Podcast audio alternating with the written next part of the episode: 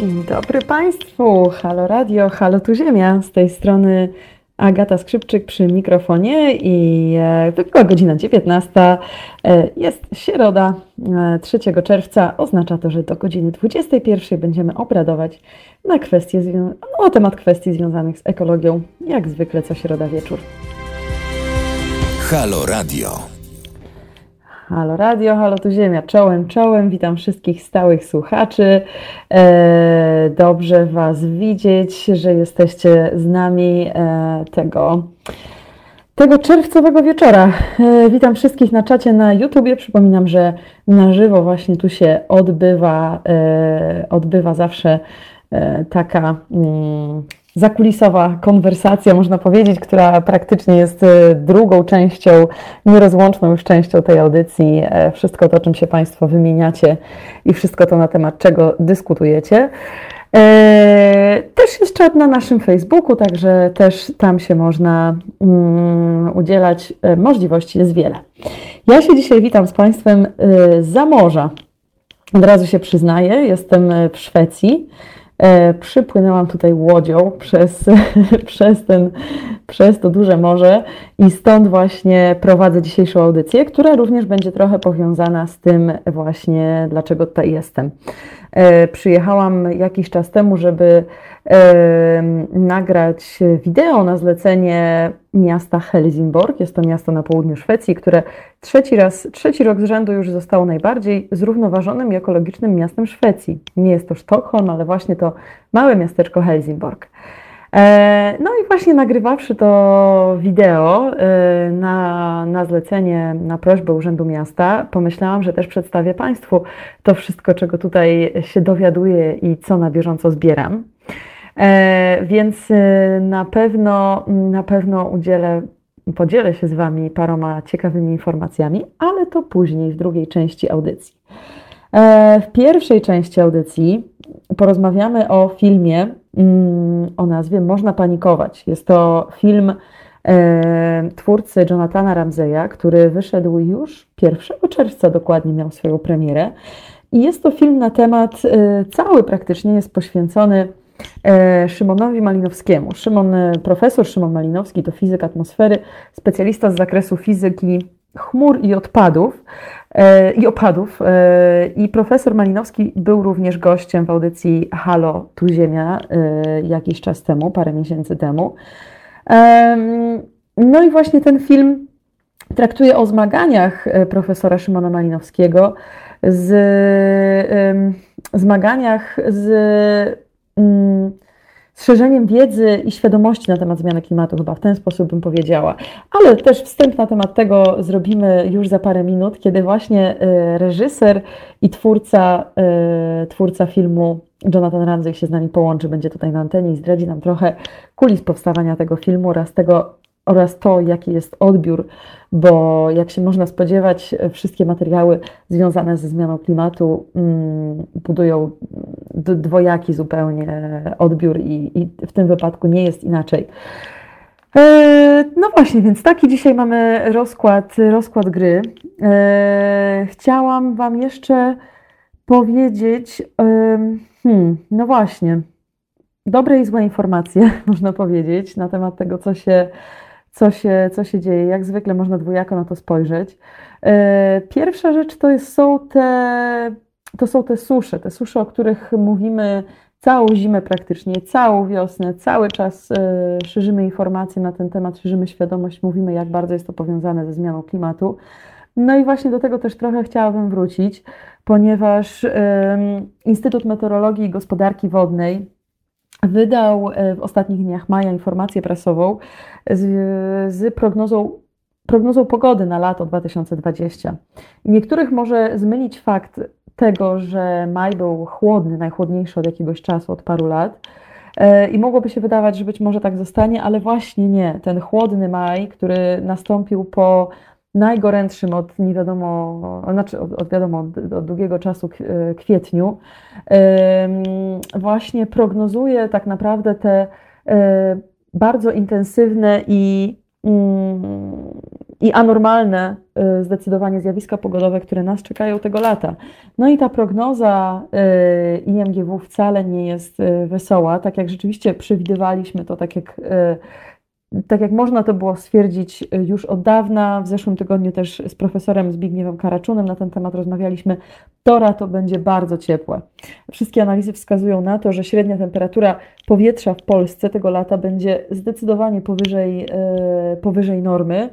Y, w normie być może będą opady, natomiast też ta wysoka temperatura przyczyni się do tego, że rzeczywiście prognoza hydrologiczna wcale nie będzie E, wcale nie będzie tutaj optymistyczna. I tak czerwiec i lipiec, według właśnie tego raportu, e, tej informacji prasowej, czerwiec i lipiec będą dosyć gorące, a sierpień już tutaj osiągnie pewną kulminację, jeśli też chodzi właśnie o poziom hydrologiczny, poziom, poziom wód i rzeczywiście będzie dosyć duży, realny powrót zagrożenia suszą hydrologiczną w zlewni Wisły i dalsze pogarszanie się sytuacji w zlewni Odry. Także, no także rzeczywiście można się na to szykować, tak też pewnie wiedzieliśmy, że tak się wydarzy, natomiast ten raport też tu to mocno e, potwierdza.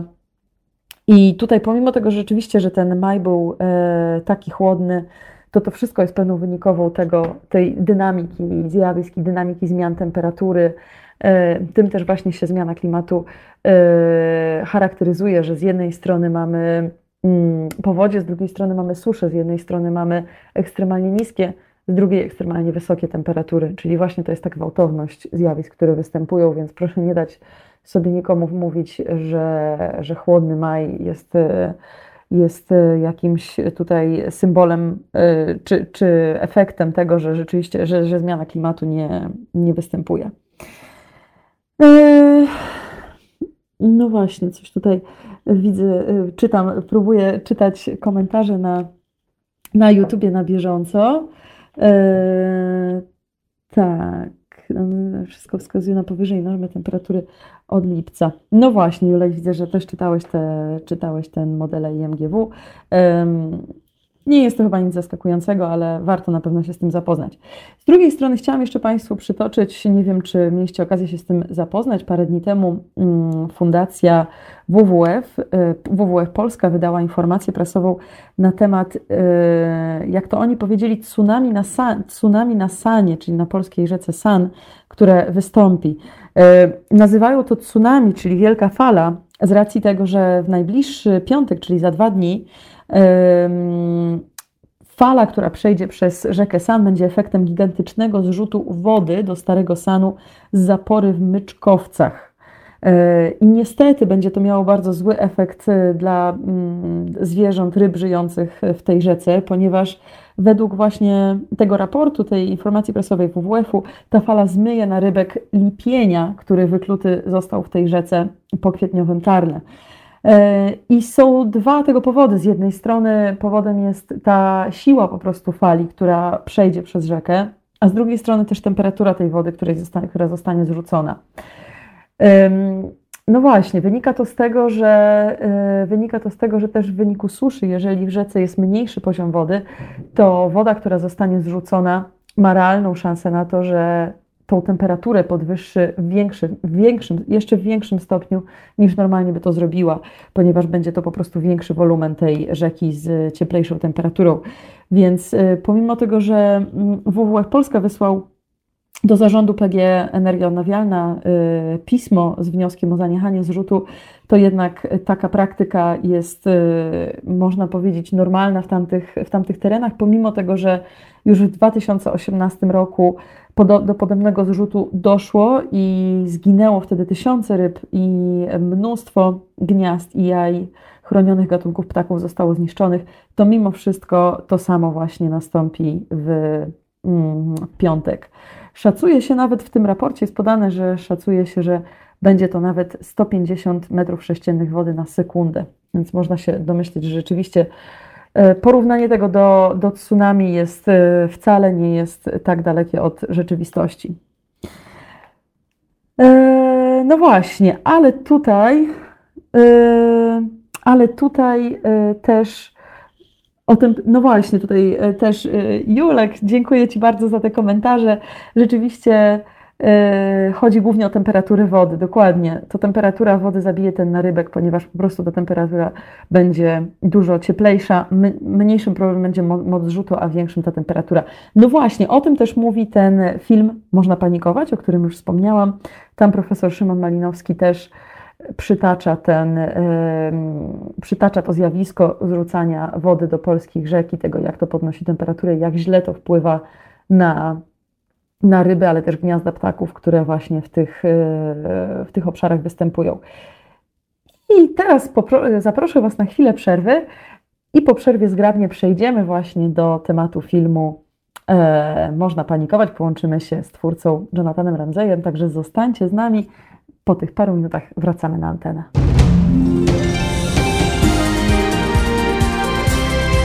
Halo Radio. Drodzy Państwo, czy uważacie, że już można panikować? E, słuchając e, naszych audycji poświęconych zagadnieniom ekologicznym, czytając artykuły na ten temat, oglądając, edukując się, czy uważacie, że to już jest na to czas? Ja po no, po paru latach y, siedzenia w tym temacie, ale też po paru miesiącach y, prowadzenia właśnie tych audycji i zapraszania do nich y, znakomitych gości i wybitnych specjalistów z tej dziedziny, dochodzę do wniosku, że jak najbardziej, że to już jest czas na panikę i że, że możemy sobie zupełnie na to pozwolić, nawet chyba powinniśmy. I mm, mam wrażenie, że ludzie często boją się tej paniki, nie dopuszczają jej do siebie, nie dopuszczają tych emocji. E, ale panika tak naprawdę może być produktywna i może pchać nas do przodu. Może być pewnym złamaniem statusu quo i takim wake-up call, tak zwanym, czyli takim e, dzwonkiem do przebudzenia się. Więc na pytanie, czy można panikować, ja odpowiadam, że można i że śmiało, pozwólmy sobie na to, zróbmy to. No właśnie, i to jest też tytuł najnowszego filmu Jonathana Ramseya, którego mm, właśnie tytuł Można panikować. Bohaterem filmu jest Szymon Malinowski, tak jak wspomniałam wcześniej, profesor fizyk atmosfery, specjalista z zakresu fizyki chmur i opadów oraz modelowania numerycznego procesów atmosferycznych. E, I właśnie na antenie jest z nami już twórca tego filmu, Jonathan Ramsey. Mam nadzieję, że mnie słyszy i opowie nam trochę słyszę, więcej. Słyszę, słyszę. Słyszysz mnie? Tak, cześć, słyszę Cię dobrze. Dzień dobry Państwo. Moje polski nie jest taki super, ale rozumiem generalnie wszystko. Kręciliśmy cały film po polsku, ale, ale robię mnóstwo błędów, więc, więc mam nadzieję, że no, czasami brak mi słów, więc, ale dam sobie radę. Mówisz świetnie. Do tej pory y, rozmawialiśmy tylko po angielsku, więc nawet zaskakuje mnie, jak dobrze mówisz po polsku. nawet nie, nie, nie byłam tego świadoma. e, no, Państwo jeszcze. Zanim Ci zadam pierwsze pytanie, przypomnę jeszcze naszym słuchaczom, że mm, macie możliwość e, zadawania pytań na naszym czacie na YouTubie. Jeżeli chcielibyście się czegoś specjalnego dowiedzieć właśnie od, e, od twórcy filmu, Jonathana Ramseya, to śmiało, to śmiało piszcie ja będę łącznikiem właśnie was z, e, z Jonathanem. To jest, e, muszę powiedzieć, że może zacznę od tego, że ten film w ogóle jest dostępny na YouTubie do 7 tak. czerwca, więc mogą wszyscy Państwo go zobaczyć za darmo, co jest naprawdę dużą gratką, bo ten film jest przepiękny. A dla Dziękuję tych, którzy bardzo. nie no, dla tych, którzy nie widzieli, to chciałam tylko zrobić wprowadzenie też do naszej rozmowy i mm, powiedzieć, że ten film tak naprawdę nie jest o zmianie klimatu. On nie przedstawia mm, nadmiaru naukowych faktów czy gęstwiny rokowań na przyszłość. I ten film trochę może zaskakująco jest raczej na temat właśnie człowieka, który z tą zmianą klimatu walczy, a raczej ja bym powiedziała, walczy o tą walkę. Próbuje tak. ludzi po prostu do tego, e, do tego przekonać. I to jest moje pierwsze pytanie do, do ciebie, Jonathan. Skąd tak oryginalny pomysł na ten film? Skąd taka narracja? A, no jest, jest długa historia, ale, ale generalnie powiem Ci tak. A, mój ostatni dokument był o smogu, a, nazwa Smog Wars i to był na, na antena TVN24 i mhm. ten film miał, nie wiem, koło 15 osób i, i, i był bardzo trudno montować i niezbyt osobisty jak chciałem. No był trochę osobisty, ale, ale po prostu ten, ten, na ten nowy projekt można panikować. Chciałem zrobić film o jeden bohater i jego życie. Byłem trochę zainspirowany jest bardzo, bardzo, bardzo popularny serial na Netflix. Nazywa się, nazywa Chef's Table. Znasz, co to jest Chef's, Chef's, Table? Table? Tak. tak. Nie pamiętam I, polskiego i, tytułu, ale tak. A, a, ale jest, jest o kucharzy na całym świecie i ludzie, no ten, ten program jest o kulturę bardziej, bardziej niż o kuchnię, bo, bo oni mają jakieś rozmowę a, i zdjęcie od, na przykład jest jakiś włoski a, kucharz i mm. historia jest jego osobista historia, jego kultury, skąd on jest, jak, jak, on był zainspirowany, żeby robić fajne restauracje i tak dalej. I ten formula był bardzo, bardzo ciekawy dla mnie i chciałem e, po prostu zrobić coś o bardziej filozoficzny i bardziej egzystencjalizmu, po prostu, no bo mamy ten problem globalne ocieplenie, tak?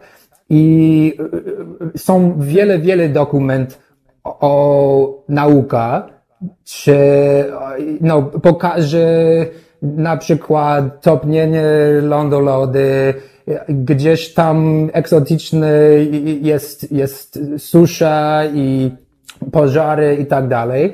I są fajne filmy, ale tak naprawdę nie, nie mogłem znaleźć film o środowisku, który był tak osobisty, a i, i więc skąd ten pomysł na, na ten film? Po, po prostu chciałem mm. robić coś bardziej o punktu widzenia nauka, naukowiec, -hmm. ale nie o nau film nie jest o nauce, jest o, o naukowiec i, i, i jego tak. punktu widzenia i, i, i film, no w moim zdaniem film nie jest dokładnie o nim, jest o Polska też, cały kraj, bo, bo on ma 62 lata i pamięta, jak było na przykład w latach 70., 80. i on przeżył przez okupację i on, on żył w Polsce cały czas i on, on widział, jak ten kraj się zmienił przez, przez długi, długi czas. Więc jest tego perspektyw, który był zainteresowany. Ja, ja nie chciałem zrobić film o młody naukowiec. Chciałem mm -hmm. ktoś, ktoś starszego, a, który miał taki perspektyw, żeby rozmawiać o przeszłość, o teraźniejszość i przyszłość. Mm -hmm. No właśnie, ale ta jednocześnie myślę, że zrobiłeś tą narracją bardzo ciekawy zabieg, bo bo rzeczywiście, jeżeli oglądamy dokumenty na temat y, faktów naukowych po prostu, na temat, y, na temat zmiany klimatu z tej perspektywy, to po prostu się edukujemy. A tutaj tym zabiegiem mam wrażenie, że dałeś szansę y, ludziom, którzy podobnie ten problem postrzegają, którzy jakby dostrzeg jak, zdają sobie sprawę z katastrofy ekologicznej, y, przez którą przechodzimy. Dałeś im trochę szansę na to, żeby y, przejrzeć się trochę w lustrze też, żeby utożsamić się z tym głównym bohaterem, z tą, z tą y, niemocą e, w przekazywaniu tych informacji, z tym, z taką poczuciem bezradności, bo to głównie widzę właśnie tam w profesorze Malinowskim, ten, tą bezradność, kiedy dziennikarze zadają mu jakieś no z całym szacunkiem, ale infantylne pytania o to, że recykling nas zbawi, yy, czy, czy co on robi dla planety, tego typu pytania. I, I na jego twarzy głównie tam widzę nawet nie zawód, nie jakąś złość, tylko takie poczucie właśnie bezsilności. I myślę, że Stąd chyba też domyślam się, że pozytywny odbiór tego filmu właśnie dlatego, że ludzie gdzieś tam widzą swoje emocje w nim, prawda? Że to jest jakby taki No, no, no ja, myśl, ja uważam, że, że, że tak i, i, i ma, mam nadzieję, że, że ma taki efekt. I, ja po prostu, w moim zdaniem, widzisz wszystko o ten kryzys w jego twarz. I to jest tak. wystarczająco tak. dla mnie. Ja nie jestem naukowcem, ale on ma 40 lat doświadczenie i on rozumie ten problem lepiej niż wszyscy w Polsce, prawie. Nie wiem, nie wiem, czy jest najlepszy naukowiec na, na całym kraju, ale, ale on na pewno ma bardzo, bardzo dobry reputację i, i, i, i po prostu jeżeli on jest smutny i jeżeli, jeżeli on czuje się, że jesteśmy na całkowity złym kierunek, to po prostu to jest wystarczająco dla mnie. I, i, i, i ja uważam, że no, film takiego nie istniał i no, żeby robić film, to jest trochę moje, no, to jest moja pasja i, i, ja uważam, no, nikt nie robił film dokumentalny o smogu, więc zrobiłem to. I, i, i, i, i bo, bo to był ważny dla mnie, ważny temat. I, a teraz no, zauważyłem, że, że jest takie miejsce dla, dla film dokumentalny o coś bardziej no, osobisty, emocjonalny i, i no, tak. więc mam nadzieję, że, że dociera no, ludzie, no, nie wiem, jak, jak będzie e, efekt, bo, bo ja, ja robiłem, zrobiłem ten film bardziej dla siebie niż, niż nikomu, bo to jest po prostu moje artystyczne hobby i, i ja mam nadzieję, że, że inni ludzie też się podoba. Mhm. No właśnie, e, e, jeszcze chciałam wrócić do tego, co powiedziałeś, że stan Ziemi, stan świata pokazuje po prostu mina profesora Malinowskiego właśnie, tak jak mówisz, smutek na jego twarzy to jest jakby, e, to przemawia równie silnie jak, jak, jak fakty związane właśnie ze zmianą klimatu. I chciałam się podzielić troszkę osobistym wątkiem tutaj. Myślałam, że prywatnie Ci o tym powiem, ale pomyślałam, czemu nie? Czemu nie na antenie? Naszej, naszego pierwszego spotkania i tego, jak przyszliście do studia właśnie, tak, bo audycja tak Halo tu Ziemia jest, y, jest właśnie, y, zajęła fragmencik, fragmencik w Twoim filmie. I muszę Ci teraz powiedzieć, że po obejrzeniu Twojego filmu trochę lepiej rozumiem to nasze spotkanie, bo pamiętam, kiedy właśnie zaprosiłam profesora Malinowskiego na naszą audycję. On powiedział, że chciałby przyjść z ekipą filmową w ramach filmu dokumentalnego, który kręcicie. Ja się oczywiście zgodziłam i pamiętam, kiedy, kiedy przyszliście, kiedy też miałam, poznałam profesora pierwszy raz, to pamiętam w nim pewien jakiś taki dystans, jakieś trochę taką y, sceptyczne nastawienie w stosunku do mnie i y, trochę takie nieufne, bym powiedziała. I teraz po obejrzeniu tego filmu trochę to rozumiem, bo rozumiem, że przygotowując się do, yy, kręcąc film, przeszliście przez, nagrywaliście, zdobywaliście materiały z szeregu różnych wywiadów, które udzielał na przykład w telewizjach śniadaniowych. I w tym mhm. filmie widzę, jak większość tych wywiadów z nim, jak bardzo one były spłycone, jak bardzo były potraktowane infantylnie, jak bardzo były tak yy, po macoszemu, no, protekcjonalnie wręcz. I mam wrażenie, że że trochę ciekawe, profesor że Malinowski mówisz... tego samego się spodziewał, przychodząc do naszego nie, studia. Nie, ja, ja, ja myślę, że nie. Ten, ten dzień kręciliśmy przed, przed tą rozmowę, kręciliśmy przez, nie wiem, trzy godziny. I myślę, że on po prostu był może trochę zmęczony. I, i, i, i ja myślę, że uważam, że, że nie, nie był taki sceptyczny, czy, nie wiem, ale, ale, ale chyba nie było tak. Po prostu, a, no, no, są, jest, no, nie wiem. So, I don't know what else to say. I'm sorry. nie, nie, nie.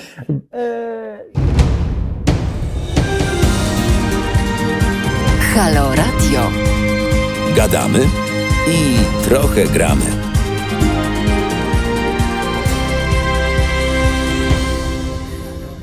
Jesteśmy już z Państwem po przerwie. Mieliśmy troszkę problemów technicznych, dlatego nas tak nagle ucięło. E, nigdzie nie uciekliśmy, nadal tutaj jesteśmy. Mam nadzieję, że Jonathan cały czas ze mną. Jesteś tam po drugiej jestem, stronie. Jestem, jestem. Przepraszam bardzo. Nie, nie, wiem, czy był problem na mojej stronie, czy twoje, ale, ale już jestem. Tutaj coś się u mnie zadziało, coś mi nagle internet odłączyło, także przepraszam Cię też, że tak że tak nam ucięło. No właśnie, rozmawialiśmy chwilę przed przerwą o tym, e, jaka jest percepcja też w polskich mediach e, tak. zmiany, zmian klimatycznych i jak bardzo się ten temat próbuje e, spłycać. Domyślam się, że spotkaliście się z tym dosyć mocno w czasie kręcenia filmu, prawda?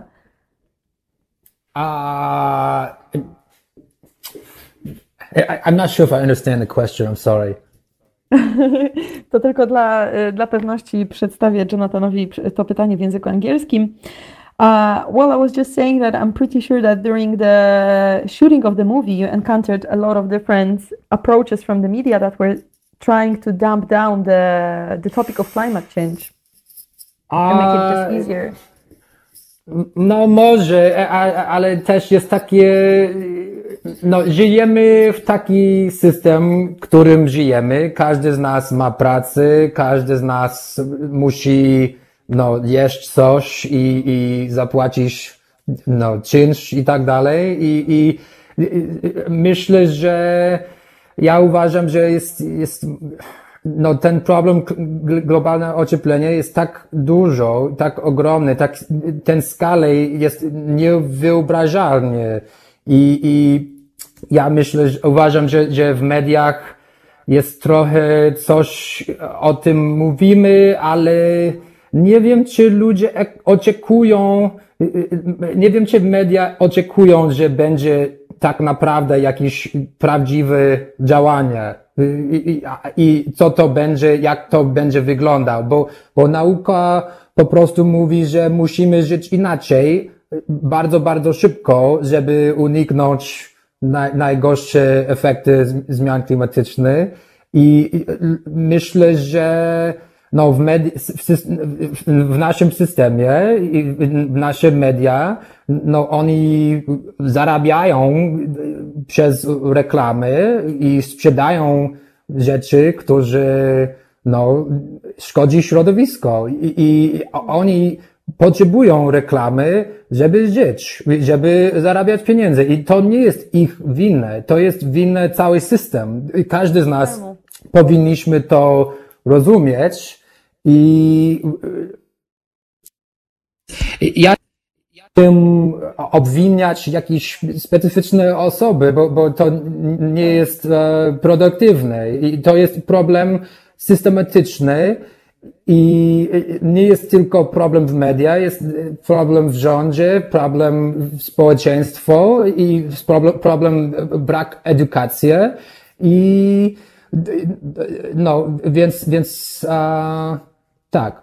tak. Nie wiem, czy to, jest, czy to odpowiada na to pytanie, ale tak. jest, jest po prostu bardzo, bardzo wyjątkowy czas, w którym żyjemy i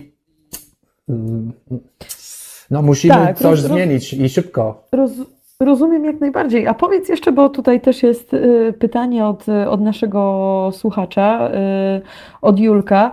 Czy, mm, czy dostrzegasz różnicę też w postrzeganiu problemu zmian klimatu pomiędzy Polską a Stanami Zjednoczonymi?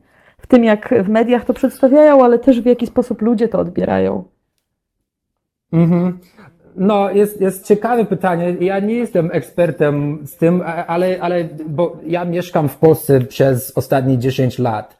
I tylko jedyna media, które czyta w, z Ameryki jest New York Times i New Yorker Magazine i może kilka różnych publikacji, ale nie obejrzę amerykańskiej telewizji. Więc ja nie wiem dokładnie, jak to jest sytuacja teraz, ale też musimy no, rozumieć, że Polska jest mniejszy kraj, mniej ludzi, mniej terenie i, w, i w Ameryce no, ludzie it's very spread out. How do I say? Like, -hmm. it, it's, how do I say? It's, E... Mieszkają daleko, mieszkają, mieszkają daleko, bo, bo... Rozproszeni są bardzo ludzie, tak, w tym jak mieszkają. Rozproszeni, tak, tak. I są miejsca w Ameryce, gdzie zmian klimatyczny jest traktowany bardzo, bardzo poważnie.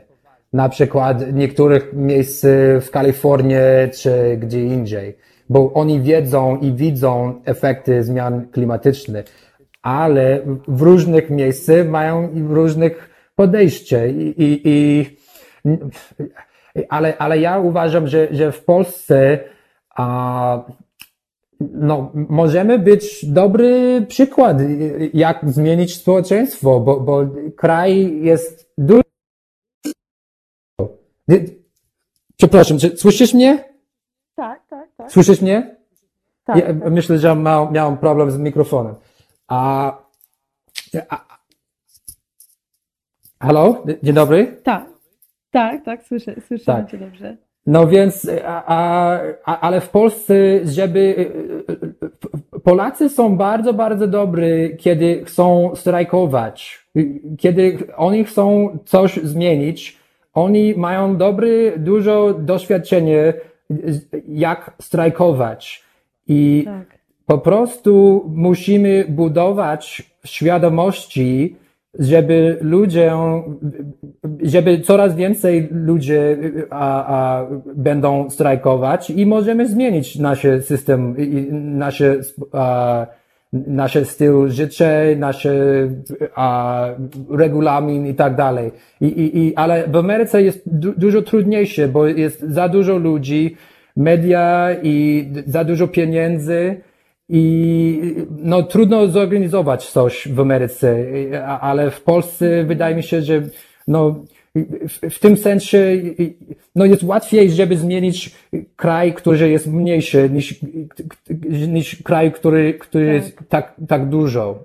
I, tak bardzo no, ale to jest, ja nie jestem, nie jestem socjologiem, nie jestem ekspertem a, i, i, to jest po prostu moje wrażenie.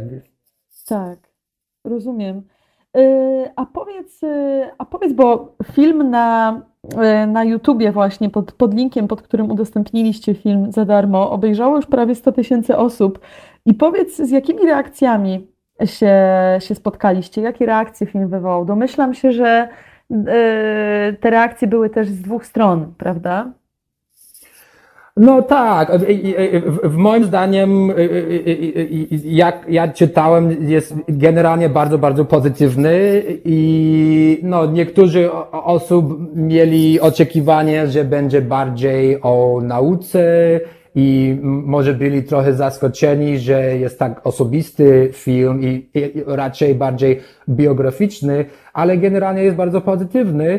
I no, oczywiście są kilka komentarzy, którzy powiedzieli, że no, że to jest kłamstwo i, i tak dalej, ale to jest, no, oczekiwałem coś takiego i, tak.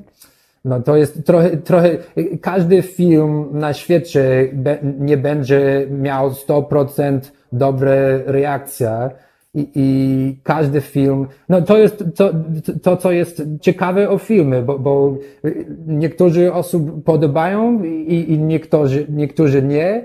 I możemy kłócić o tym i jest ciekawe rozmowy. I, i to jest dobry, ważny część życia, więc a, tak. Ja, ja, uważam, że jest dobra reakcja generalnie i, i, jestem zadowolony i mam nadzieję, że będzie nawet większe, bo, bo 5 czerwca jest Dzień a, Środowisko Światowy. Tak, Światowy Dzień Środowiska, tak. Tak. Tak. Tak. Więc no, no, mamy nadzieję, że będzie nawet więcej, bo fi ten film ma napisy po angielsku, po hiszpańsku i po rosyjsku bo chcielibyśmy, żeby miał szans na, no, docierać ludzie zagraniczną. Tak, super, oczywiście, że tak. Myślę, że powinniśmy tą historię szerzyć i, jak najbardziej. Zresztą, tak jak wspomniałam na początku, są tam przepiękne ujęcia po prostu różnych. Różnych habitatów naturalnych polskich, właśnie z, z nad których profesor Malinowski się wypowiada, więc nawet estetycznie ten film zdecydowanie warto obejrzeć. A Jonathan, chciałam jeszcze Ci zadać takie personalne pytanie na koniec naszej rozmowy. Czy Aha. Ty ym, wspomniałeś, że ten film robisz też dla siebie po prostu, bo, bo, bo, bo chciałeś taki film zrobić, ale czy Ty też próbujesz coś tym zmienić? Czy próbujesz kogoś, czy masz jakąś, jakąś misję w tym, jakiś cel? Czy próbujesz kogoś poruszyć? Czy, czy myślisz, że coś się może zmienić właśnie za pomocą też takiego przekazu kinowego? A nie wiem dokładnie, czy, czy rozumiem ta pytania, ale, ale po prostu no, robienie film jest moje hobby. To ja, ja jestem taka osoba, która potrzebuje jakiś projekt. I ja mhm. lubię tematy, które są trochę smutne, trochę zaangażowane, o problemy, które są bardzo, bardzo trudne. I ten film, moim zdaniem, to jest najważniejsza rzecz, którą zrobiłem w moim życiu, bo, bo, bo ten problem jest naprawdę potężny i, i, i ja też jestem winny. Każdy z nas ma w tym udział i, i ka każdy z nas musi coś zrobić, coś zmienić, a, aby uniknąć a, katastrofy klimatycznej. Ja mam córkę, która ma trzy lata, bardzo piękny, nazywa imię Frania. I, I ja chciałbym, żeby on, żeby Frania nie musiała strajkować za 10 lat, tak jak dzieci, y, y, y, jak nastolatki robią teraz, bo oni strajkują i jeszcze nie działamy w rządzie i na, to jest problem na całym świecie. I, i te, tych młodych ludzi no oni chcą zmienić coś i, i, i ja, ja też chcę zmienić coś dla, dla przyszłości mojej córki. To jest bardzo, bardzo proste. I, i ja, ja, myślę, że no, przed y, y, urodzeniem mojej córki nie myślałem o ten temat ta, tak dużo. I, i, ale coraz więcej myślę o niej, a nie o siebie i no, chciałbym zrobić coś dobrego dla klimatu, dla przyszłości, dla ludzi. I ja wiem, że jest trudne, ja wiem, że jest, jest, jest ogromne wyzwanie i nie tylko Polska musi zmienić, każdy kraj musi zmienić, każdy z nas musi adaptować. I, i, ale my musimy z, zrobić swoje. I, i, i no, nie jest taki wymówka, że no, Donald Trump nic nie robi, więc my nie będziemy robić. To nie jest y, y, dobry wymówka. Ja uważam, że Polska w tym sytuacji mógłby być dużo lepszy a, przykład, jak żyć inaczej, jak, jak mieć dobry styl życia bezemisyjny, niskoemisyjny, i no, ja mam nadzieję, że będziemy to, to robić. Mhm.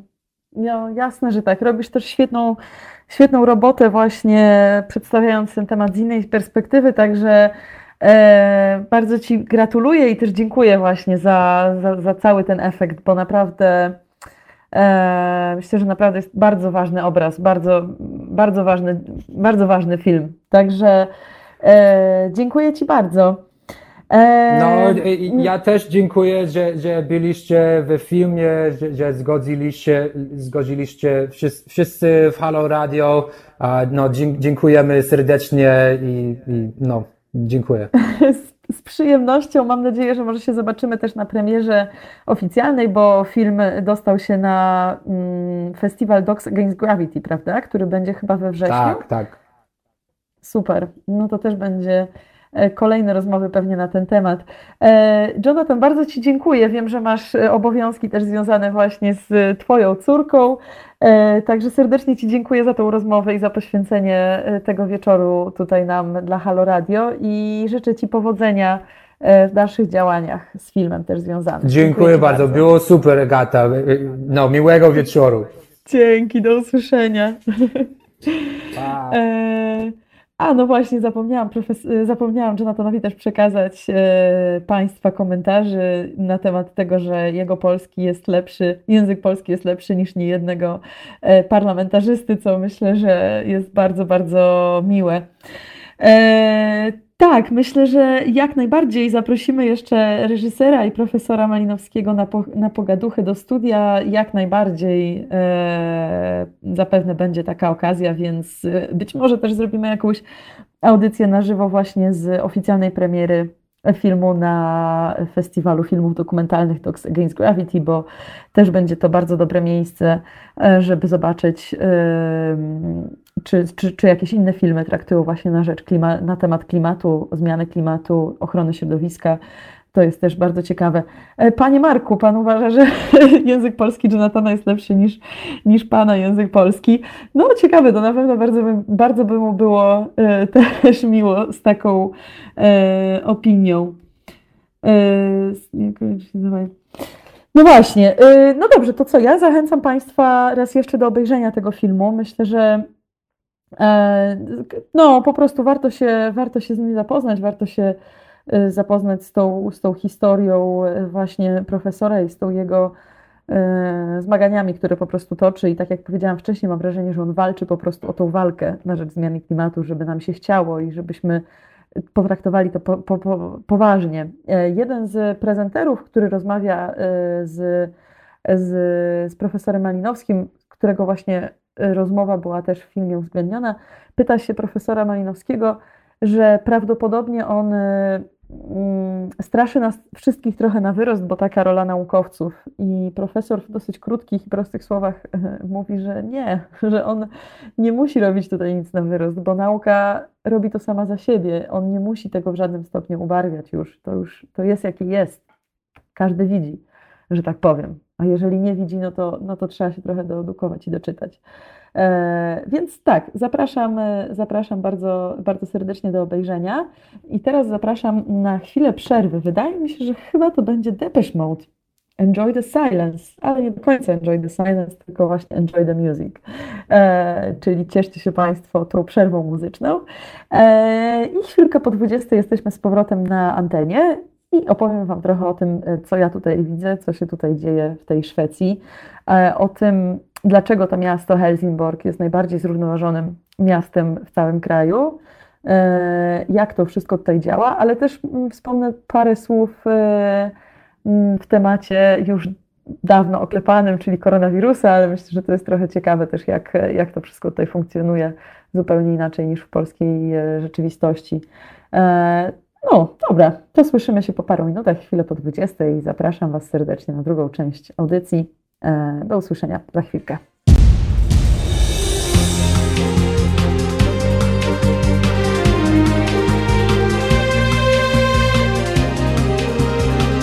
Halo Radio.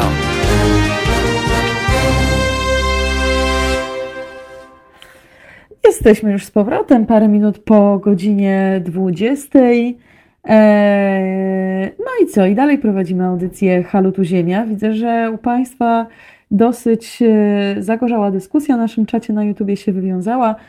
Mm, no właśnie, ciekawe, ciekawe, ciekawe. Myślę, że e, mm, temat naszej poprzedniej godziny, czyli właśnie tego filmu na temat percepcji e, zmian klimatu, E, wzbudził też i u Państwa trochę, trochę emocji, ale to dobrze, bo najważniejsze, żeby właśnie e, najważniejsze, żeby właśnie e, takie rzeczy emocje wzbudzały, żebyśmy po prostu nie pozostali, nie pozostali wobec tego obojętni, bo to już jest połowa sukcesu, mam wrażenie. No tak, myślę, że rzeczywiście główne media mainstreamowe na temat tego filmu niewiele wspominają, ale też nie ma co się dziwić, bo bo faktycznie y, twórcy filmu też poniekąd, może tak jak Jonathan wspomniał, nie krytykują bezpośrednio żadnych mediów, natomiast gdzieś tam obnażają po prostu ten system, który nie jest stworzony do tego, żeby, żeby na takie tematy raportować. Myślę, że w każdym kraju jest, y, w każdym kraju jest tak naprawdę podobnie i nie ma tutaj, nie ma tutaj tych. Y, nie ma tutaj takiego miejsca, gdzie wszystko by było dobrze. I też właśnie z tej perspektywy trochę chciałabym Państwu powiedzieć o, o Szwecji i właśnie o tym, co tutaj mam przyjemność już zresztą drugi raz w tym roku zaobserwować, jeśli chodzi o ten zrównoważony rozwój w miastach szwedzkich. Ale zacznę też trochę od tego, żebyśmy nie popadali w jakieś e, zbytnie kompleksy, bo faktycznie to, o czym będę przez te kolejne minuty mówić, jest godne podziwu i faktycznie niezwykłe, że w ten sposób te jednostki miejskie można rozwijać z takim poszanowaniem praw ekologii i z takim, e, i z takim, z takim poszanowaniem dla natury. I rzeczywiście, jeśli chodzi o system tutaj, jeśli chodzi o to, jak, e, jak ten system funkcjonuje, system uzdatniania wody, system e, zarządzania gospodarką odpadową, to to faktycznie działa bardzo dobrze. Natomiast muszę powiedzieć, że wcale nie jest tak, e, wcale nie jest e, to jednak takie wszystko kolorowe. Bo mimo wszystko Szwedzi, pomimo tego, że to się może wydawać taki zielony kraj, mają dosyć spory, zresztą to już mówiłam w audycji e, w styczniu, kiedy właśnie też tutaj byłam, Szwedzi mimo wszystko mają spory ślad węglowy tak zwany, czyli Ilość wyemitowanych gazów cieplarnianych przez ich aktywność jest dosyć spora, jeśli chodzi też o inne kraje europejskie. Wynika to też z tego, że jest tu dosyć niewielu mieszkańców, chyba wydaje mi się, że 10 milionów, nie sprawdziłam tej informacji, ale wydaje mi się, że coś koło, coś koło, tego, coś koło tego, czy około 10 milionów e, mieszkańców. E, I w przeliczeniu na, na każdego z mieszkańców ten ślad węglowy jest dosyć spory. To też wynika z tego, że te zamożniejsze społeczeństwa mam wrażenie, że są przyzwyczajone do pewnego poziomu komfortu własnego życia i tego, że wszędzie przemieszczają się samochodem, e, że jeżdżą na wakacje, bo też na to ich stać. Ale też, co mnie bardzo e, tutaj negatywnie zaskakuje za każdym razem, jak jestem, może też mieliście okazję e, takie rzeczy zaobserwować, że faktycznie system chociażby zarządzania odpadami i recyklingu działa bardzo sprawnie, ale nie działa sprawnie system opakowań, bo na przykład e, w sklepach, e, w supermarketach tutaj bardzo ciężko jest kupić owoce, warzywa, które nie byłyby opakowane w plastik. Nie ma, nie ma nie, nie, wygląda to w ten sposób jak w Polsce, na przykład idąc na hale mirowskie, bierze się po prostu swoją, swoją torbę i ładuje się pojedynczego buraka, pojedynczy ziemniak i pomidor w tą torbę. Wszystko to jest na tackach e, z tego najgorszego rodzaju plastiku, który ciężko jest tak naprawdę E, później efektywnie wykorzystać. E, I, I wszystko jest opakowane w plastik. I to rzeczywiście, ta cała dyskusja tutaj ekologiczna, dzisiaj też miałam jeszcze dyskusję z moją znajomą stąd na ten temat, że ta cała dyskusja ekologiczna, e, według, je, według przynajmniej jej zdania, ona jakby jest świadoma i otwarta, ale do, do, tylko do tego momentu, kiedy to już bardzo za, zahacza o nasz komfort. Więc jeżeli ten komfort, do którego jesteśmy przyzwyczajeni, mamy z jakiegoś powodu ograniczyć, to gdzieś ten hamulec się pojawia i ten bieg wsteczny, że może nie do końca, że może państwo to za nas zrobi, czyli rozwinie ten system recyklingu chociażby, a my będziemy po prostu żyć tak, jak chcemy. I nie generalizuję tutaj oczywiście, nie mówię, że Szwedzi tacy są, broń Boże, tego yy, nie taki mam tutaj yy, cel w tym, tylko chcę powiedzieć, że yy, nawet jeżeli w przypadku takich krajów jak Szwecja system działa sprawniej, to nie zawsze te wybory indywidualne za tym podążają. Więc żebyśmy też nie popadali po prostu w kompleksy, że gdzieś tam te wyzwania są w każdym kraju. Drugim takim elementem, zaczynam od tych minusów, zanim przejdę do plusów, rzeczywiście trochę może nie w moim stylu też, bo raczej zazwyczaj szukam tych dobrych sygnałów optymistycznych, ale e, zawsze zachęcam wszystkich do tego, żeby e, z każdej możliwej strony podejść do tematu, więc sama też to tutaj robię. I drugim tematem, który mi e, osobiście dosyć mocno uwiera, jest e, to, że spora część kraju e, energetyki tego kraju jest oparta na energii wodnej, e, czyli energii z stan zaporów na rzekach, która nie jest ekologiczna. E, a z drugiej strony też spora część energii jest oparta właśnie o energię jądrową. I co jest tutaj problemem? Problemem są odpady e, jądrowe właśnie, które z tej elektrowni powstają. I co się dzieje z tymi odpadami?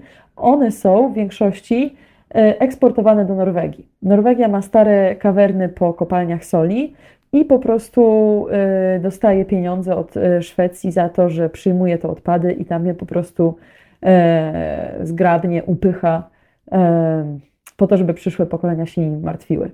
Więc też nie wydaje mi się, że to jest podejście bardzo z jednej strony przyszłościowe, zrównoważone i zielone, nie do końca. Więc, więc też mm, gdzieś tam po prostu, gdzieś tam to uwiera przede wszystkim, przede wszystkim mi. E, tutaj widzę jakieś, tak, te, na temat opakowań. Ciekawe, ciekawe pan Marek zadał pytanie, co sądzę o opakowaniach papierowych. Jest taki ukształtowany mit, że papier jest niedobry, bo jest produkowany z wycinanych lasów. Mm, to są dwa aspekty, które przychodzą mi od razu do głowy właśnie po tym pytaniu. E, z jednej strony też ten papier papierowy jest nieróżny, bo mogą być różne wycinki lasów do tego papieru. Mogą to być, papier może pochodzić z certyfikowanych źródeł, z e, upraw, e, z ekologicznych upraw drzew, które są, które są robione w taki sposób, żeby żadnych habitatów też nie niszczyć. Więc nie są to wycinki dziewiczych lasów w Amazonii na przykład. Ale z drugiej strony, to, że papier jest niedobry, to też jest trochę z innego powodu. To nie jest tylko kwestia wycinania lasów, ale jest to też kwestia e, energii i wody, e, energii elektrycznej i wody, która zostaje wykorzystywana przy produkcji papieru.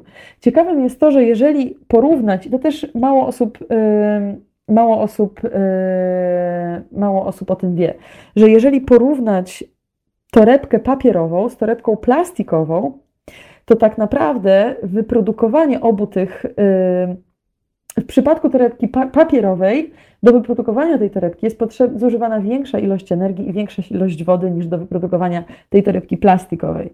Oczywiście mamy też tego kwestię, że papier rozłoży się w mgnieniu oka, a plastik będzie zalegał z nami y, tysiące lat. Y, ale to też jest wszystko kwestia tego, w jaki sposób to przetwarzamy, no i jak te odpady wykorzystujemy. Więc tylko tutaj znów po prostu jestem trochę może nie adwokatem diabła, co pokazuje po prostu to z drugiej strony, że, e, że torebki papierowe, które bierzemy w sklepie tylko po to, żeby później je wyrzucić do śmieci zmieszanych, wcale nie są lepsze. Nie możemy sobie koić sumienia, m, będąc w Biedronce, kupując chleb, wybierając torebkę papierową i czujemy się, że okej, okay, to jest e, ekologiczny wybór, ona się zaraz rozłoży. Okej, okay, bo nawet jeżeli ona się zaraz rozłoży, to ona musiała być wyprodukowana. Więc nie chodzi tutaj tylko o ten surowiec papierowy, który my wykorzystujemy i, i który później wy, e, wyrzucimy, ale chodzi też właśnie o tą całą wodę i energię, która została włożona do produkcji tej torebki papierowej. Więc proszę patrzeć na to holistycznie, proszę patrzeć na to z dwóch stron. To nie chodzi też tylko o te lasy, ale oczywiście to też jest e, jeden z tego tematów, ale chodzi też właśnie o te surowce, które zostały tam e, wrzucone. Może być papier z konopi, może być ze szmat, jak najbardziej. Też tak jest. Panie Michale, pyta się Pan w trzech ładnych literach, E, o co chodzi z tym, co powiedziałam, że energia z wody jest nieekologiczna. A no właśnie, e, myślę, że któraś z kolejnych audycji będzie mm, poświęcona e, temu tematowi bardziej, ponieważ jest to też gdzieś tam temat, który nie jest zbytnio rozpowszechniany. Y, energia, która jest produkowana z zapor i stam na rzekach, jest nieekologiczna, dlatego że żeby te tamy i zapory zostały wybudowane, duża część naturalnych habitatów niestety musiała ulec zniszczeniu. I e, musiał zostać zmieniony naturalny bieg rzeki, naturalne e, tory wędrówki też e, ryb i zwierząt właśnie rzecznych. Więc w momencie budowy tych tam i zapor rzecznych, bardzo mocno jest niszczone środowisko. Oczywiście już sama produkcja tego nie przyczynia się na przykład do, do wytwarzania gazów cieplarnianych w takiej ilości jak inne e, źródła energii elektrycznej, natomiast jest to też ten inny aspekt tego, że jest to po prostu źródło energii elektrycznej, które bardzo integruje, ingeruje w środowisko naturalne. Myślę, że Poświęcimy też jedną audycję właśnie tylko temu tematowi, ponieważ jest to zagrożenie dla Polski też, regulacja rzek, ale też w wielu miejscach innych w Europie, między innymi na rzekach w Bośni, w Bałkanach, w innych krajach właśnie bałkańskich.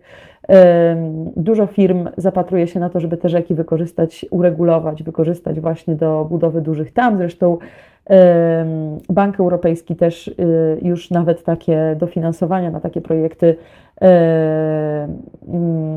udostępnił, a z drugiej strony mieszkańcy właśnie między innymi Bośni bardzo protestują przeciwko temu, bo wiedzą, jak bardzo to zniszczy te habitaty naturalne. Ale myślę, że o tym porozmawiamy jeszcze w oddzielnej, z oddzielnej, w oddzielnej audycji.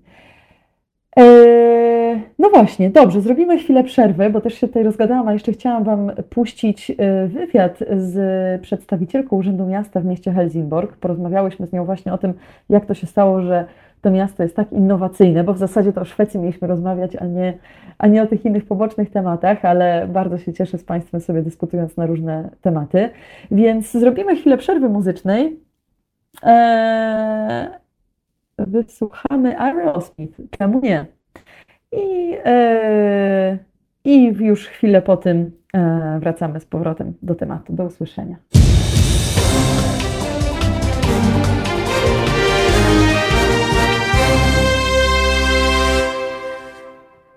O energii wodnej i o papierze z ziemniaków. E, o tym się tutaj nam wywiązała dyskusja. Papier z ziemniaków bardzo ciekawy pomysł tak naprawdę. E, bardzo mi się, bardzo mi się to podoba. E, ale tak, faktycznie, tak jak pan Marek tutaj wspomniał, Unia zakazała upraw, żeby, to, żeby ten pomysł rozwijać, ale rzeczywiście pojawiały się też inne alternatywy. Ale bardzo się cieszę, że udało mi się wzbudzić Państwa jakieś emocje i dyskusje tematem właśnie energetyki wodnej. E, bo jest to mm, temat, który sporo emocji wzbudza, powinien wzbudzać jeszcze bardziej, bo myślę, że jest dosyć często pomijany i jest to dla mnie też dobry sygnał, żebyśmy właśnie zrobili, e, zrobili poświęcili większy, dłuższy czas e, temu tematowi, temu zagadnieniu, e, żeby właśnie powiedzieć o tym, czemu energia wodna wcale nie jest najlepsza. E, także zapowiadam, obiecuję, na pewno zrobimy więcej, więcej właśnie, zrobimy jakąś audycję na ten temat. E, mam nadzieję, że to Państwa zainteresuje. No właśnie, a jeszcze wracamy do tematu tego Helsingborgu, no bo w końcu jestem tutaj e, w Szwecji, a my tu gadu gadu o papierze z ziemniaków, a jak zapowiedziałam, to, to muszę się też z tego wywiązać i parę słów powiedzieć o tym, co się tutaj dzieje. No właśnie, to miasto małe w Szwecji, leżące prawie naprzeciwko Kopenhagi na wybrzeżu, trzeci raz rzędu zostaje okrzyknięte najbardziej zrównoważonym miastem Szwecji. Pomimo wielkich planów Sztokholmu i pomimo też dużego rozwoju Sztokholmu, to właśnie to małe miasto y, dostaje ten tytuł już trzeci rok z rzędu. I miałam przyjemność właśnie nagrywać wideo na ten temat tutaj i dzięki czemu też Wyselekcjonowaliśmy razem z przedstawicielami Urzędu Miasta takie najważniejsze elementy, które charakteryzują też, które dobrze odzwierciedlają, jak dobrze ten system tutaj funkcjonuje, bo faktycznie tutaj mówimy nawet nie tyle o zaangażowaniu mieszkańców, a w tym wypadku bardziej o tym, jak ten system gdzieś tam od dołu jest budowany. I dwie kwestie, które dla mnie bardzo mocno się wyróżniają, to jest kwestia zarządzania zarówno odpadami, jak i zarządzania wodą.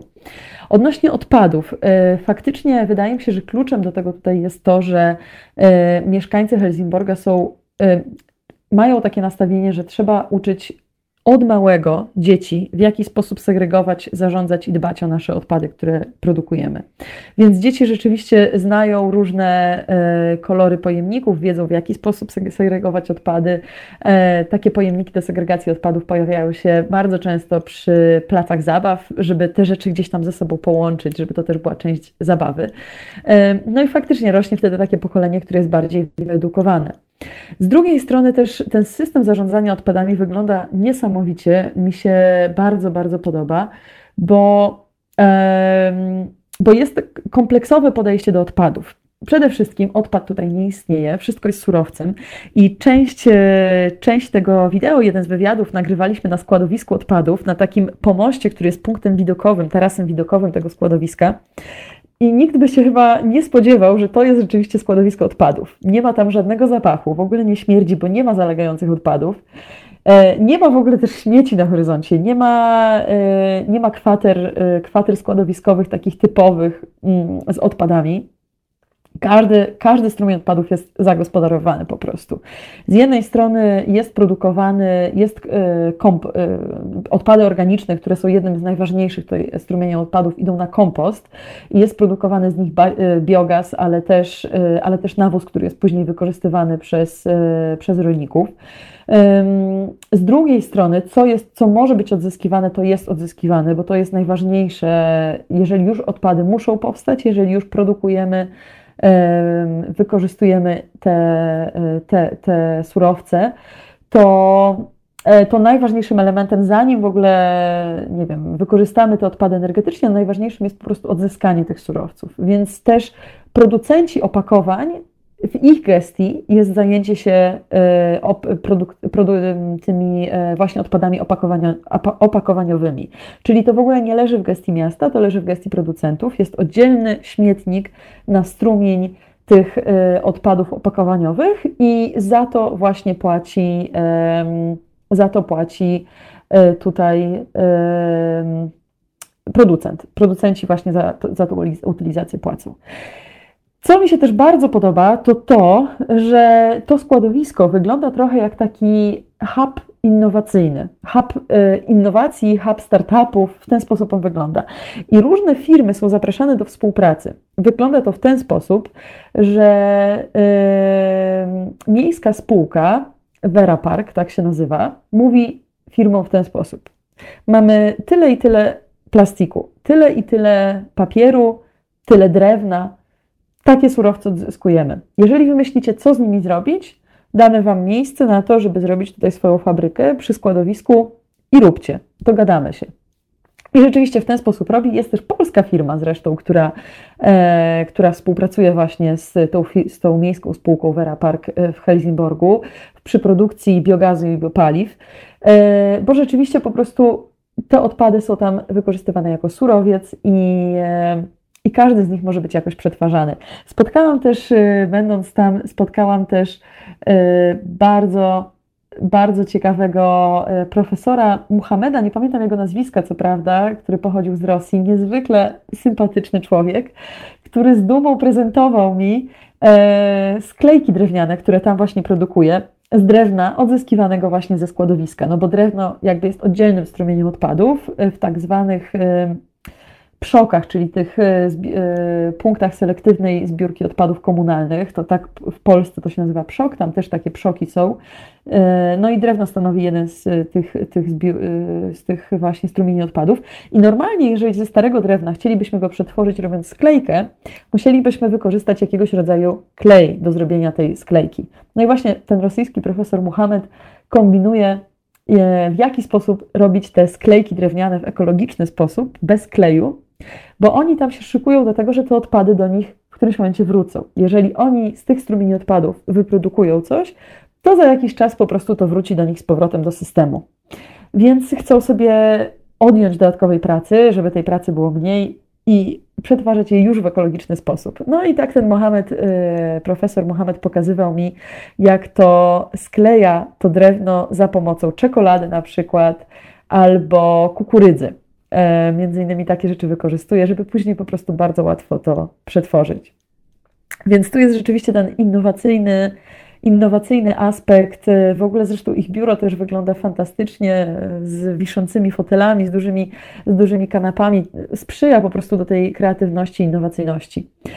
E, dwie rzeczy jeszcze, które mnie dosyć mocno zdziwiły, jeśli chodzi o to składowisko. E, jedna to taka, że pracownicy też składowiska funkcjonują dosyć mocno w tym duchu odzyskiwania odpadów, tak zwanego upcyklingu. I e, w biurze funkcjonuje system wymiany ubrań wśród pracowników, że nawet nie tylko ubrań, różnych rzeczy z domu po prostu. Pracownicy przynoszą te rzeczy e, do, e, na to stanowisko, zostawiają je, to jest bardzo ładne, wszystko poukładane, wywieszone na wieszakach i później Ktoś inny może sobie jakiś element stamtąd wziąć, zostawić coś w zamian. I już drugi raz właśnie tam będąc, y, zostałam obdarowana takim, y, tym razem sukienką właśnie z odzysku y, z tego wysypiska odpadów, co bardzo mnie niezwykle cieszy i z dumą, z dumą tą sukienkę noszę, bo cieszę się, że gdzieś tam się, też jestem częścią tej historii. Druga kwestia to jest też taka, o czym się dowiedziałam teraz od szefa, szefa tego składowiska, to to, że na samym składowisku odpadów produkowany jest miód. E, I tak jak to całe składowisko odpadów jest robione w takim, in, w takim innowacyjnym duchu, otwartym na różnego rodzaju współpracę, to tak też pewnego dnia e, pszczelarze po prostu przyszli do zarządców tego składowiska, mówiąc, że oni zauważyli, że na tym składowisku są pewnego rodzaju rośliny, które nie występują już w innych częściach tego miasta, bo właśnie on nie, nie był w stanie im powiedzieć po angielsku, co to za roślina, ale mówił, że to są chwasty, które normalnie są wyrywane. a na składowisku one cały czas funkcjonują. Więc ci pszczelarze spytali się, czy mogą produkować tam miód właśnie w oparciu o te rośliny, które na składowisku występują. I rzeczywiście, w samym środku tego składowiska, w tym mocno uprzemysłowionej, e, uprzemysłowionym placu są, e, są ule i jest produkowany po prostu na tym składowisku miód. Więc to jest też ciekawe, ciekawe jak, to, jak to się wszystko zapętla i w jaki sposób to wszystko ze sobą współpracuje. E, tak, Panie Marku, oczywiście zrobiłam dosyć sporo stamtąd filmików i zdjęć. Nawet może za chwilę w czasie przerwy poproszę e, Asię, naszą realizatorkę, żeby tutaj na YouTubie właśnie któreś z tych zdjęć pokazała tego, jak to składowisko wygląda. E, I jeszcze tylko chciałam wspomnieć też o tej, o tej wodzie. No właśnie, w jaki sposób ta woda tam wygląda, ale może zrobimy parę minut przerwy. Ja się napiję wody, bo trochę mi zaschło w gardle i zrobimy parę, parę minut przerwy muzycznej. Ja w międzyczasie spróbuję e, wykombinować z czy możemy właśnie parę zdjęć z tego miejsca, o którym mówię Wam pokazać i po paru minutach będziemy z powrotem.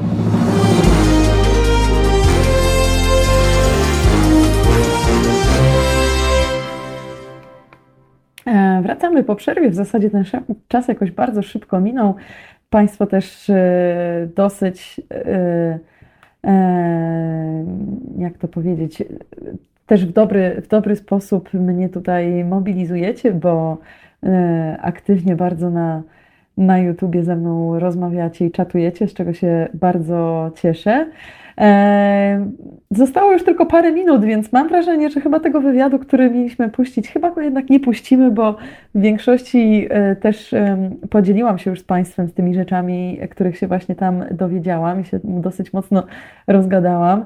E, za chwilkę Asia, realizatorka nasza, wrzuci tutaj właśnie na YouTube'a zdjęcia e, parę zdjęć dosłownie portretujących to, o czym mówię.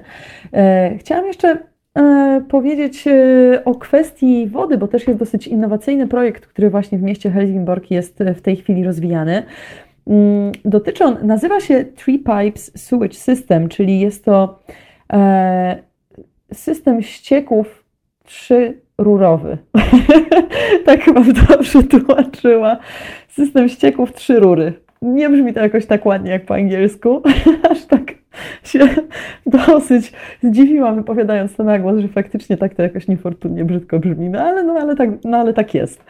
E, chodzi o to, że w portowej e, w portowej e, w portowej, w portowej dzielnicy tego miasta Helsingborg jest w tej chwili budowane nowe osiedle, które właśnie będzie miało, każdy mieszkaniec domu będzie miał trzy różne rury do odprowadzania różnego rodzaju ścieków.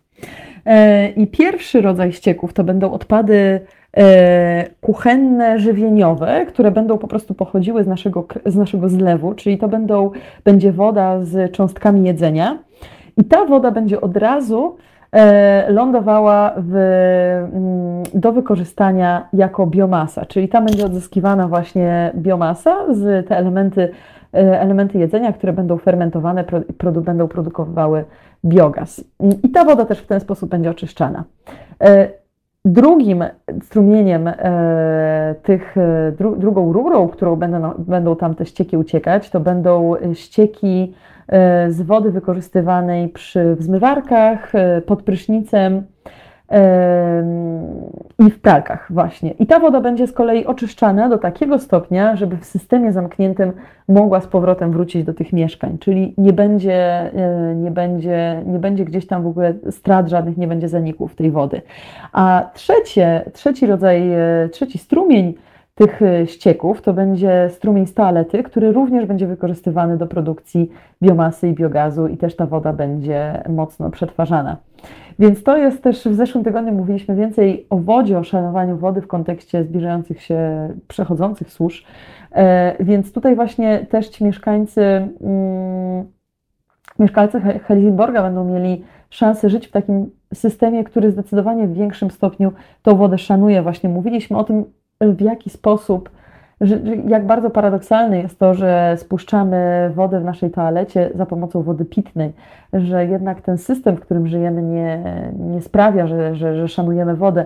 I tutaj rzeczywiście dla mnie to było dosyć mocno takie pouczające, że, że można po prostu ten system inaczej skonstruować, bo to nie chodzi tylko o to, żeby nie chodzi tylko o to, żeby, yy, żeby wymagać od mieszkańców, żeby zakręcali wodę, kiedy myją zęby na przykład. Takie najbardziej banalne przykłady, ale też chodzi o to, żeby ten system po prostu inaczej konstruować, żeby tych strat, yy, tych strat po prostu tam nie było, że, żebyśmy to nie tylko my musieli podejmować te decyzje, tylko żeby też odgórnie to było trochę sprawniej przeprowadzone. Eee, I co jeszcze chciałam powiedzieć, to to, że w ogóle będąc w tym mieście, eee, kręcąc właśnie wideo, przemieszczając się między różnymi lokacjami, cały czas miałam do dyspozycji rower elektryczny dostarczony mi właśnie przez Urząd Miasta w Helsingborgu.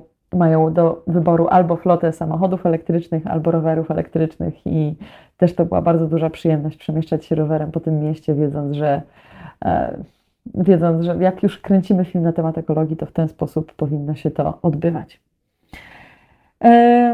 Proszę Państwa, bardzo mi przyjemnie się z Wami rozmawiało, opowiadało Wam te historie, również z Jonathanem Ramseyem w pierwszej godzinie, ale już jest prawie godzina 20.45, nasz czas dobiegł końca i tak się składa, że po prostu już muszę kończyć. Aczkolwiek jeszcze bardzo dużo różnych historii Państwu bym na ten temat opowiedziała. Ale no cóż, to nie ostatnia środa, kiedy się z Wami łączę, więc zostawię sobie jeszcze różne inne smaczki na kolejne razy. E, bo jak zwykle już w kolejną środę o godzinie 19 słyszę się z Wami. Nie wiem, czy już w następnym tygodniu, czy może w kolejnych e, przeprowadzimy też obiecaną właśnie audycję na temat energii wodnej, bo wiem, że też jest taka potrzeba. Serdecznie Państwu dziękuję za bycie z nami. Dziękuję za wszystkie Wasze komentarze, jak zawsze merytoryczne.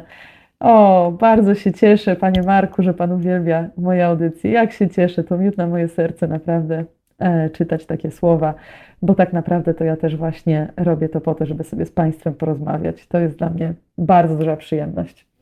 Życzę Wam wszystkim miłego wieczoru. Zostańcie z nami jeszcze na antenie Halo Radio, bo oczywiście gramy i nadajemy dalej. E, dziękuję Wam bardzo mocno raz jeszcze i słyszę się z Wami już w kolejną środę o godzinie 19. Do usłyszenia.